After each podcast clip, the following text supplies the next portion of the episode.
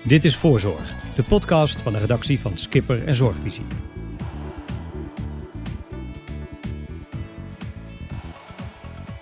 Hartelijk welkom bij deze nieuwe aflevering van Voorzorg, de podcast over de zorg in Nederland. In onze serie over de coronacrisis kunt u ditmaal luisteren naar het verhaal van een patiënt. Edwin de Voer is een gezonde en sportieve vijftiger bij wie het virus erg hard toesloeg. Hij wil graag bijdragen aan betere zorg en deelt daarom zijn ervaringen. Hoe heeft hij het hele zorgproces ervaren? Daarover vertelt hij in gesprek met redacteur Maaike Zweers. Wanneer ontdekte je dat het echt mis was? Om precies te zijn, 13 maart ging ons kantoor dicht. En ik denk dat ze mij toch nog niet overkomen. En uh, 16 maart uh, begonnen de uh, perikelen met, ja, met lichte griepverschijnselen. En uh, uiteindelijk ontwikkelde zich dat door uh, tot een ziekenhuisopname. Maar dat heeft uiteindelijk uh, nog ruim een week geduurd. ik heb eerst een week thuis aangemodderd. En vlak voor het weekend inviel heb ik de huisartsenpost gebeld. En die zeiden letterlijk van, nou ja, kijk het nog maar even aan. En als je het doorzet, dan bel je daarna maar het coronaspreekuur en dan mag je langskomen. Uiteindelijk ben ik 24 maart opgenomen in het ziekenhuis daarvoor dat ik een heel zwaar weekend had. Um, en het eerste stuk van het ziekteproces uh, was uh, relatief mild. Uh, en daarna ging het hard achteruit. Ehm, normaal heb ik nooit griep of zelden griep. En dan ben ik meestal binnen twee, drie dagen wel weer boven Jan. alleen dit voelde anders. Ehm, achteraf heb ik ook gemerkt, maar dat kon ik pas achteraf bepalen, dat ik mijn smaak verloor. Ik kreeg kippensoep. Typisch als ik ziek ben, kreeg ik een potje kippensoep. Dat smaakt helemaal nergens naar. Dan kreeg ik van mijn schoonmoeder. Ik, nou, dat, die, heeft iets wat, die heeft iets vergeten toe te voegen. Uh, maar het, het, vervelende was dat mijn vrouw het ook zo uh, ervoer. Uh, want die werd nagenoeg gelijktijdig met muziek, twee, drie dagen daarna. En even later mijn kinderen ook. En die, alle drie klaagden ze ook over geur- en smaakverlies. En hadden ze allemaal corona? Nee, ze zijn niet getest. In die tijd was het nog niet zo dat er massaal getest wordt zoals nu. Wat dat betreft is er veel verbeterd in de situatie, in tegenstelling zoals ik die had. Ik was meer een, uh, een proefkonijn, zo voelde dat, uh, voelt dat nu. Met de kennis van nu, als ik kijk hoe snel het nu allemaal gaat. Maar de huisarts heeft al aangegeven dat zij kunnen uitgaan uh, van de gedachte, of de, de aanname dat zij ook corona hebben gehad. En hoe werd je ontvangen in het ziekenhuis? Werd er dan meteen groot alarm geslagen? Nou, alles was al, al, al ingericht op alarmfase 1, 2 of 3. Het zag er in ieder geval heel uh, anders uit dan normaal. Er stonden grote witte tenten in het uh, Meander ziekenhuis, voor het Meander ziekenhuis, daar werd ik afgezet. Het bijzonder was wel dat ze me daar meteen een, een talud lieten oplopen. En ik was al aardig kort aardig en moest gaan trappen op. En ik nou. En er was een professorische ruimte ingericht in een, in een voorraadkamer of in een, in een magazijn. En er stond een, een tuinstoel met een plastic tuintafel en er stond een computer op. En er zat een meneer achter met een mondkapje. En die ontving me en die begon meteen een polsbandje op te hangen en een wattenstaafje in mijn neus en keel. En alles was al wel ingericht dat er een stroom coronapatiënten aan zat te komen. Meteen door naar de röntgenafdeling, eh, opgenomen uit voorzorg. Mijn dochter stond altijd bij me voor te wachten, dus ik vergeten te bellen. Die had me gebracht. En de volgende ochtend kreeg ik de uitslag, uh, eigenlijk al vrij snel dat het corona was. Was je bang? Nee, want ik uh, had voor deze geen onderliggend lijden. En als Joep van het Hek eh, binnen zes dagen met onderliggend lijden weer buiten staat, dat was mijn referentiekaart. Ik denk, nou, gezonde vent, moet ook lukken. Uh, maar niets is minder waar. Dus ik was niet bang. Helemaal niet. Uh, want ik zat nog steeds in die griepgedachte waar ik wel weer overheen kom binnen de kortste keer. Alleen, er trad een enorme benauwdheid op naarmate de tijd voor. Dus ik heb nog eerst een week op de algemene verpleegafdeling aangerommeld en gedaan. En op een gegeven moment ging het niet meer. Toen hebben ze me in slaap gebracht uiteindelijk. En ook toen was ik niet bang. Uh, ik was zelfs in een fase dat ik uh, het, het, strijden, en dat klinkt, of ja, dat klinkt vrij hard, maar zo bedoel ik het niet, dat um, ik het strijden had opgegeven. Zo benauwd was ik. En toen moest ik afscheid nemen van, van vrouwen en kinderen, midden in de nacht om vier uur, donderdagnacht. Toen ben je in slaap gebracht? Ben ik in slaap gebracht, ja. ja. Dat is uh, eigenlijk wel prettig, omdat ik die strijd niet hoefde te strijden. En ik had het gevoel van, nou, nu kan ik eindelijk ontspannen. En uh, ik zal vast wel een keer wakker worden. Of misschien nog niet, maar dat heb ik me geen moment druk om gemaakt. Want ik was, uh, ja, zoals ik net zei, klaar met mijn strijd. Ja.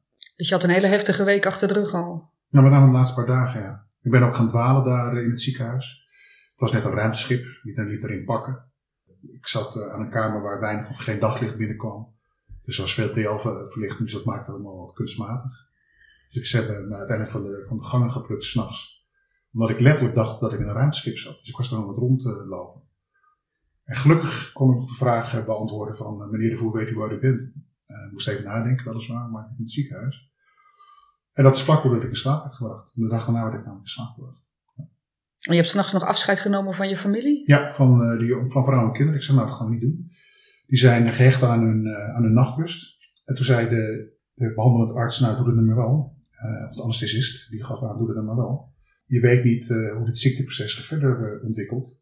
Dus ja, met een klein beetje tegenzin. Ook, niet om, dat, ook omdat ik mijn vrouw en kinderen niet wilde emotioneel belasten. ja, ben ik uiteindelijk in slaap gebracht. Ja.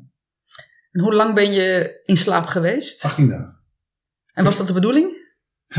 Ja, daar, ja, ik weet niet of het de bedoeling was, maar uiteindelijk was, stond er een gemiddelde periode van 22 dagen voor. Drie weken, 21, 22 dagen. En ik uiteindelijk 18 dagen. Mijn eerste paasdag weer wakker geworden. In de veronderstelling dat ik in het ziekenhuis in Amersfoort lag. Maar mijn toestand ging zo hard achteruit tijdens mijn uh, kunstmatige comateuze toestand. Uh, mijn nieren die vielen uit, uh, mijn afweersysteem sloeg op hol ontwikkelde embolieën in mijn long. Dat ik uiteindelijk door een intensivist met ziekenwagen uh, s'nachts ben overgebracht naar het UMC Utrecht. En ik dacht dus dat ik daar nog steeds een Amersfoort was toen ik wakker werd. Hoe is dat om in een ander ziekenhuis wakker te worden? Geen probleem. Nee, ik heb dat ervaren. Ik was te moe of te, ik had geen energie om het uitdruk om te maken. ik was in goede handen en dat vond ik geruststellend genoeg. Hoe lang heeft het geduurd voordat je weer helemaal bij je positieve was? Dat heeft twee dagen geduurd. De 18e was ik wat, was ik wat in de war. Ook omdat ik niet kon praten. Ik had de beademingsapparatuur nog in. Kon amper een pen vasthouden. Die pen had ik nodig om een letterkaart te bewerken. Om ja, mijn wensen kenbaar te maken. En, maar ik, ik, had in de gaten dat ik cognitief alles nog goed, goed op een rijtje had. En dat ging steeds beter. Dus nee, ik ben daar nooit, nooit echt helemaal van streek geweest. Ik heb niet zoals andere patiënten, wat ik heb vernomen, apathisch naar een, naar een plafond liggen staren of wat dan ook. Het herstel zette zich vrij snel in daarna. En wat doe jij normaal in het dagelijks leven? Ik ben normaal internationaal accountmanager van een grote automatiseerder, Japanse automatiseerder. en eigenlijk zit ik al sinds 1992 aan tijdens mijn studie daarvoor al in allerlei commerciële functies. En ik heb uh, daarvoor uh, ook commerciële economie gedaan met een nadruk op uh, marketing en recht. En ik heb alle salesfuncties die je eigenlijk kunt bedenken inmiddels wel gehad. En toen je daar in het ziekenhuis lag, heb je toen ook door de bril van een klant naar het, naar het proces en naar de zorg gekeken? Nou, dat is wel leuk dat je dat zegt, want in het begin was ik meer patiënt dan klant. maar dat is een tik van mij. Ik wil graag behandeld worden zoals ik ook mijn klanten behandel. En zo kijk ik ook, heb ik ook gekeken naar hoe ik in het ziekenhuis behandeld ben. Ondanks dat ik patiënt was, heb ik toch ook de klantgedachte daarin centraal gezet. En wat is je daarin bijgebleven? Nou ja, allereerst wat ik heel belangrijk vind in, in, in het commerciële traject, en ja, blijkbaar hebben dat verpleegkundigen en de artsen ook, is, is het luisterend vermogen. Ze hebben in eerste instantie heel goed geluisterd naar de, naar de zaken die ik heb. Alleen een tweede aspect, wat heel belangrijk is binnen commercie en binnen zorg, binnen, binnen, het zijn toch menselijke relaties die ook in zorg en commercie aangaan, is communicatie. Over en weer. En ik denk dat als ik naar het hele ziekteproces kijk binnen het ziekenhuis, dat dat voor verbetering vatbaar is. Zeker een patiënt uh, die van zover komt, die gestrijd heeft voor zijn leven. En ja, die dus ook wat verward is in het begin, dan is het goed dat daar van tevoren goed gecommuniceerd wordt. Alhoewel ik ook met de degen bewust ben van het feit dat er in die periode heel veel geïmproviseerd werd aan mijn bed. Wat heb je gemist in die communicatie? Bij een referentiekader is niet zozeer mijn commerciële achtergrond, maar uh, meer ook uh, de periode dat ik in de Hoogstraat lag. En daar werd, uh, werden mijn dagen redelijk structureel ingedeeld, met een dagkalender bijvoorbeeld. Dan ga je naar de fysio, dan wordt je bloeddruk opgenomen, dan ontbijt je, dan komt de afdelingsarts, dan ga je naar het zwembad. en dat werd allemaal heel duidelijk van tevoren kenbaar gemaakt. Daar waar, en ik zei net al improviseren in het ziekenhuis, heel veel op ad hoc basis uh, gebeurde.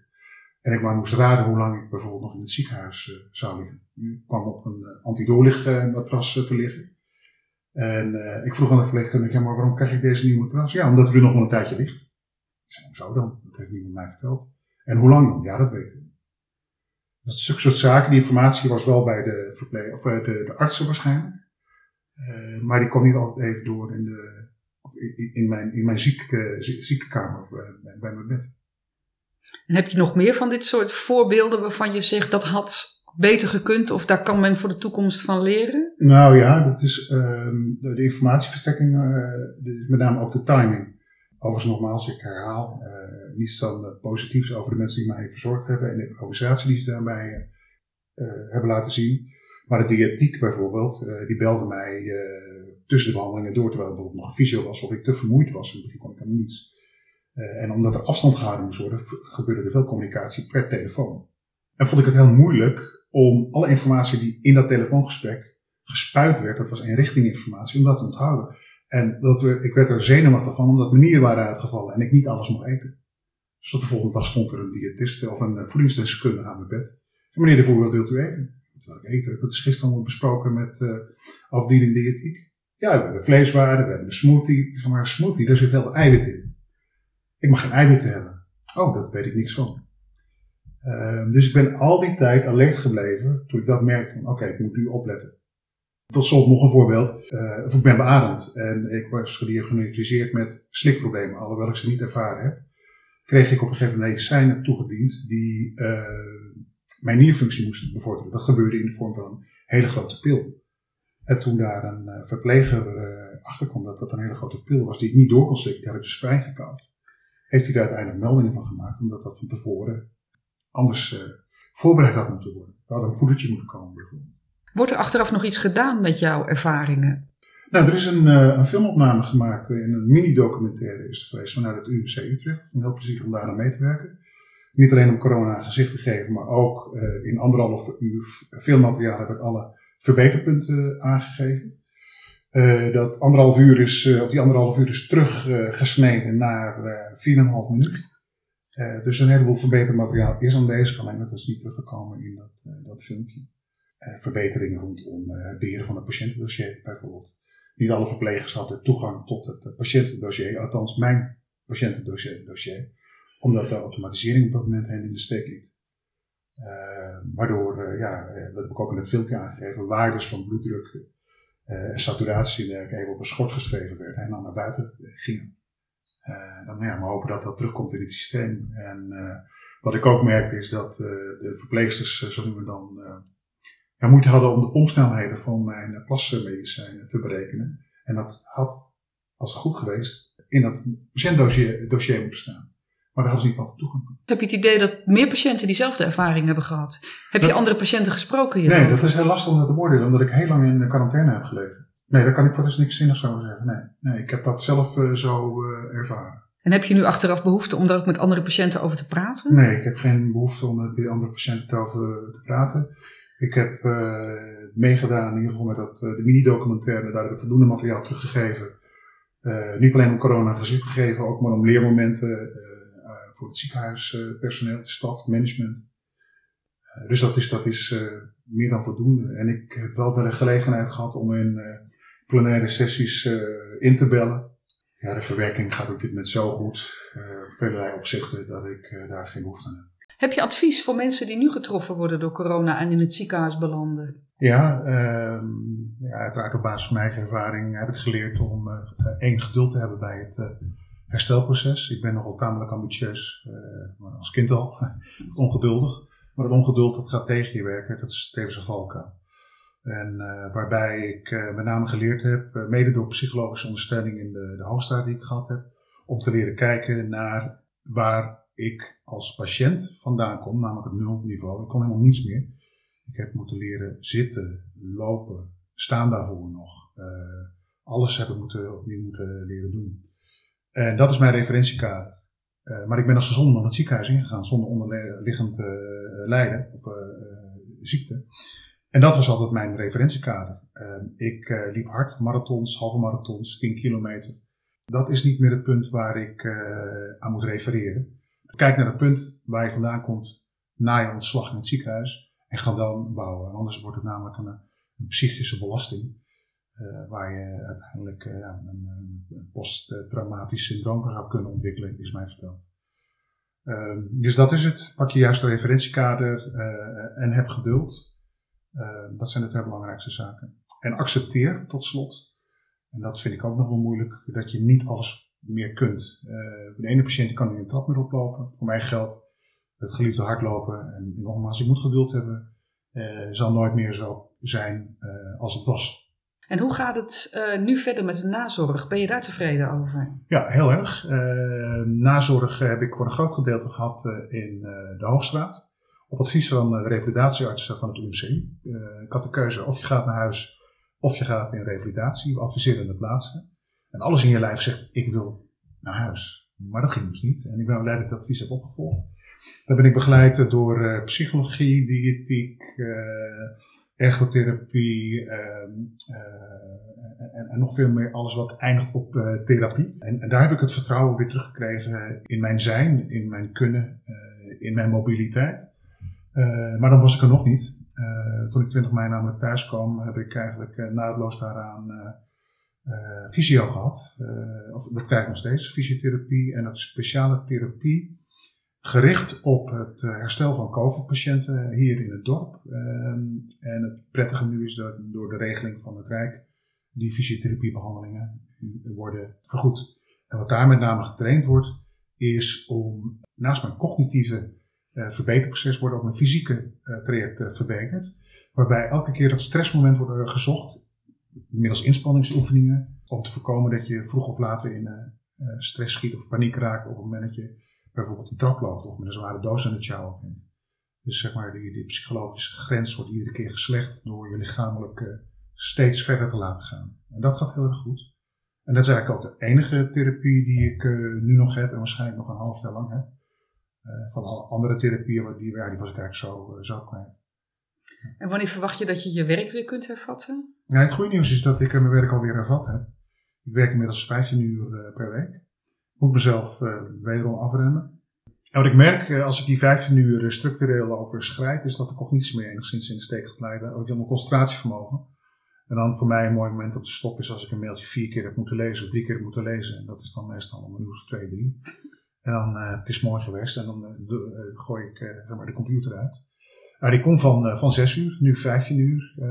en waarschijnlijk ergens over een paar weken naar 20 uur.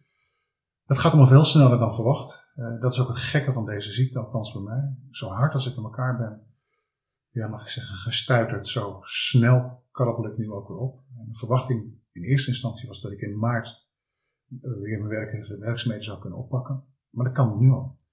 En wat de fysiotherapie en de longarts en de revalidatiearts nu hebben uitgesproken, is dat ik naar verwachting eind december weer uh, volledig inzetbaar ben. En mijn werkgever, die, die, uh, dat moet ook gezegd worden, die uh, steunt mij daar geweldig in. Die hebben helemaal geen haast. Dat geeft mij uh, in ieder geval voldoende vertrouwen en ontspanning om rustig aan ja, te reageren. Dus zo langzaam ben je je leven weer aan het oppakken?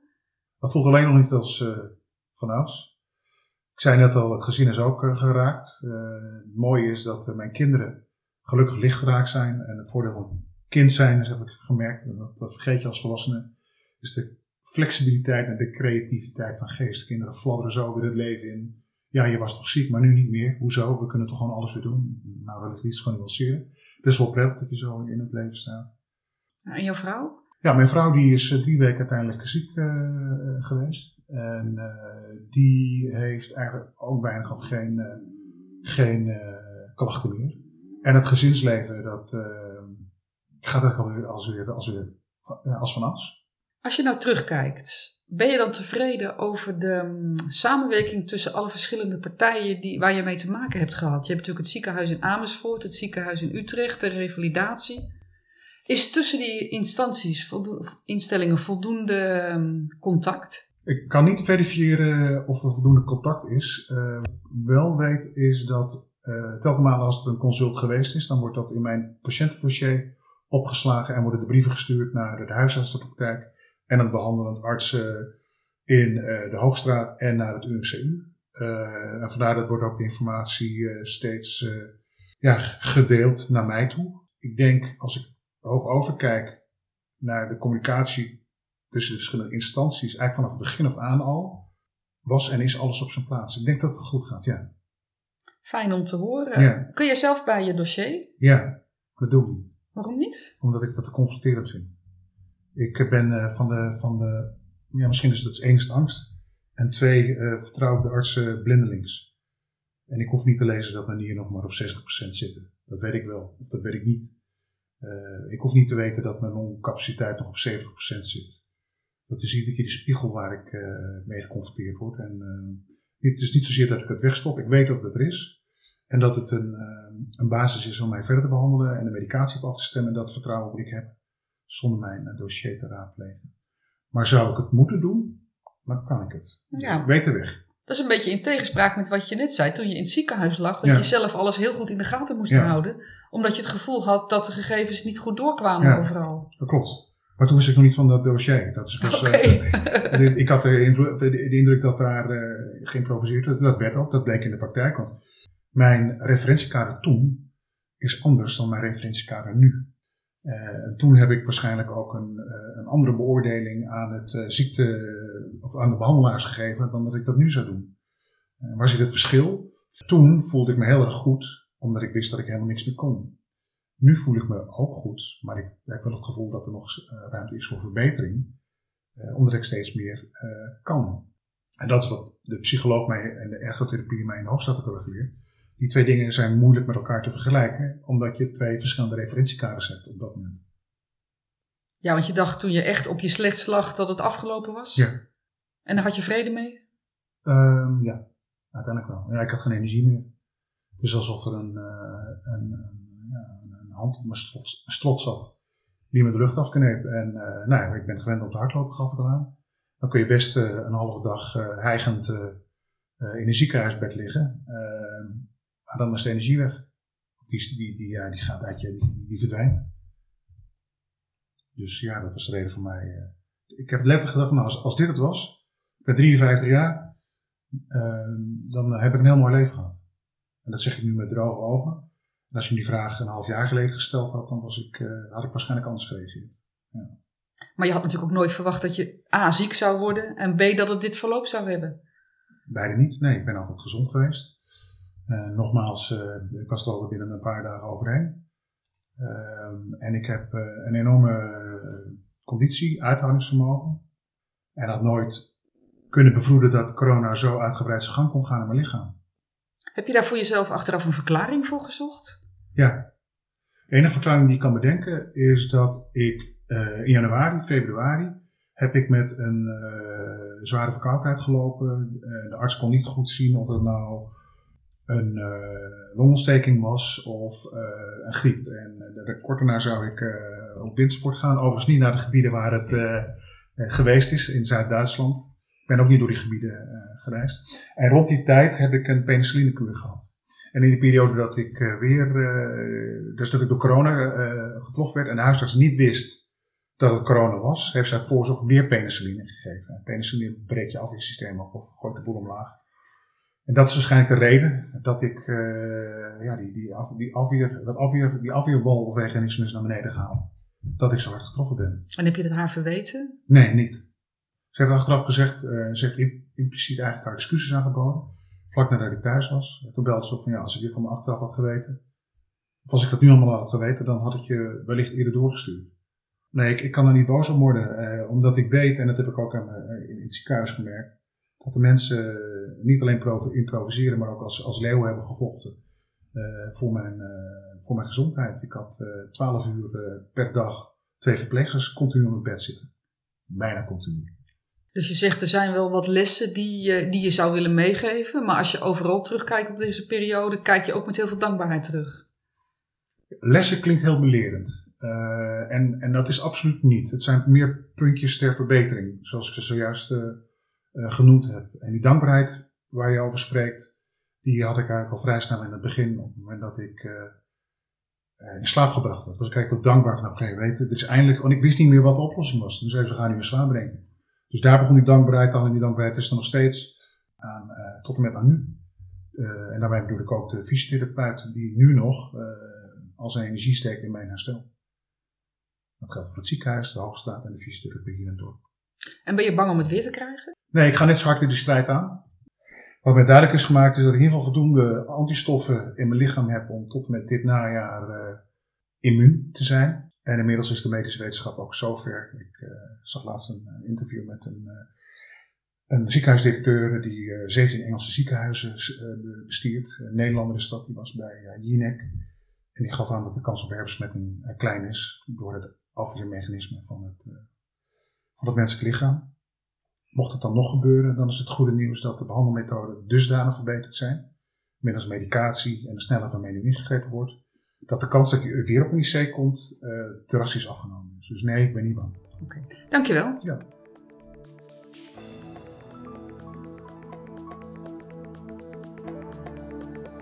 Tot zover deze aflevering. De montage was ditmaal in handen van mijzelf. Ik ben Sietse Wilman. Ik wil u graag hartelijk danken voor het luisteren. En als u de volgende voorzorg niet wilt missen, dan raden we u aan om te abonneren op bijvoorbeeld Spotify of Apple Podcasts.